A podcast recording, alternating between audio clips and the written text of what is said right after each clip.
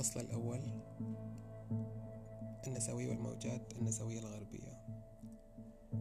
من الصعوبة بمكان أن نرصد بدقة بداية التحرك النسوي ضد الاضطهاد الذكوري. فمما لا شك فيه أن ذلك تزامن مع بداية تحكم النظام الباترياكي الأبوي بالنساء.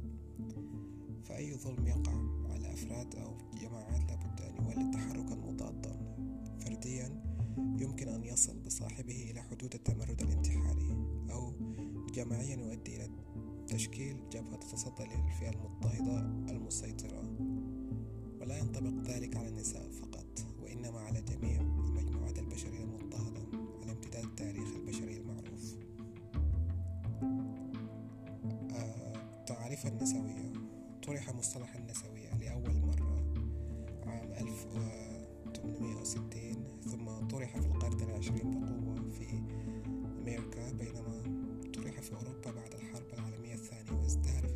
والسبعينيات في فرنسا. يعرف معجم هاتشيت النسوية بأنها منظومة فكرية أو مسلكية مدافعة عن مصالح النساء وداعية إلى توسيع حقوقهن.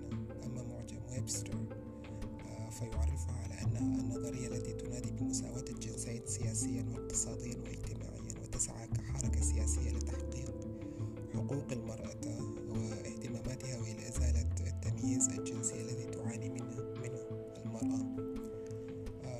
وتعرفها سارة جامبل في كتابها النسوية وما بعد وما بعد النسوية بأنها حركة سعت إلى تغيير المواقف من المرأة كامرأة قبل تغيير الظروف القائمة وما تتعرض إليه النساء من اجحاف كمواطنات على المستويات القانونية والحقوقية في العمل والعلم والتشارك في السلطة السياسية والمدنية.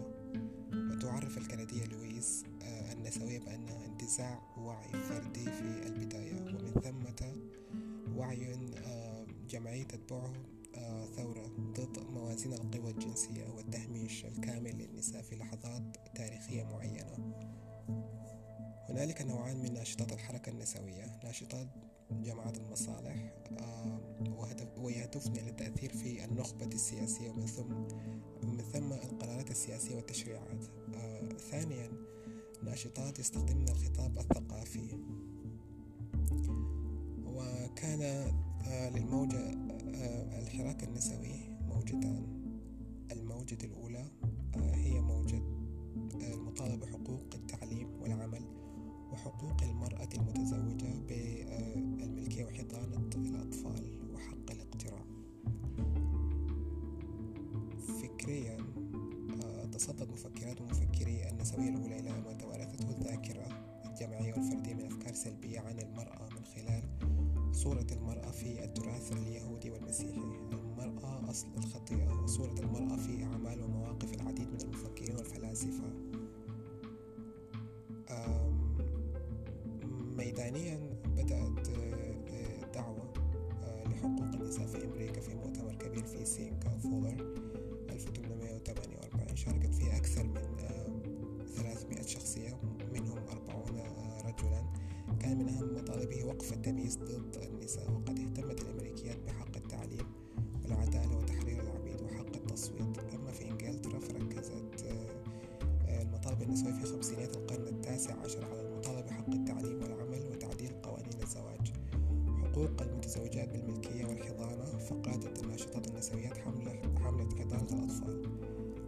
آه الموجة النسوية الثانية آه تاريخيا تشير آه نشاطات الحركة النسوية الممتدة بين 1960 وحتى نهاية القرن العشرين. في هذه المرحلة بدأت الحركة النسوية تأخذ طابعا عالميا آه، يشمل المرأة في جميع أنحاء العالم وفيها تجاوزت مطلب المساواة واعتمدت النقد العقلاني وظهرت آه، فيها تيارات ومذاهب عديدة. اعتمدت لغة التحرر من القمع السياسي والاجتماعي والجنسي فكريا دعت الموجة الثانية إلى إعادة تشكيل الصورة الثقافية للأنوثة بما يسمح للمرأة بالوصول إلى نضوج واكتمال الذات أي تحقيق الأنوثة. ذلك لأن الأنوثة قامضة وغريزية وقريبة من خلق الحياة وأصلها. إلى درجة أن العلم الذي صنعه الرجل قد لا يستطيع فهمها تبعا تبعا لبيت فريدن وعلى الرغم من أوج فترة الموجة الثانية من النسوية. يرتبط عموما بصدور كتاب كيت ميلت عن السياسات الجنسية. إلا أن العديد من الأفكار التي أثرت على الموجة الثانية من الحركة النسوية كذلك العديد من الأفكار التي ساعد بعض النسويات لمواجهتها وتحديها يمكن تتبع وصولها إلى كتاب أصل العائلة والملكية الخاصة لفريدريك إنجلز صدر عام 1884 لخص فيه إنجلز أبحاث باهوفن ومورغان وكذلك دراساته هو وماركس في هذا الإطار ويعتبر من أهم الكتب إطلاقا.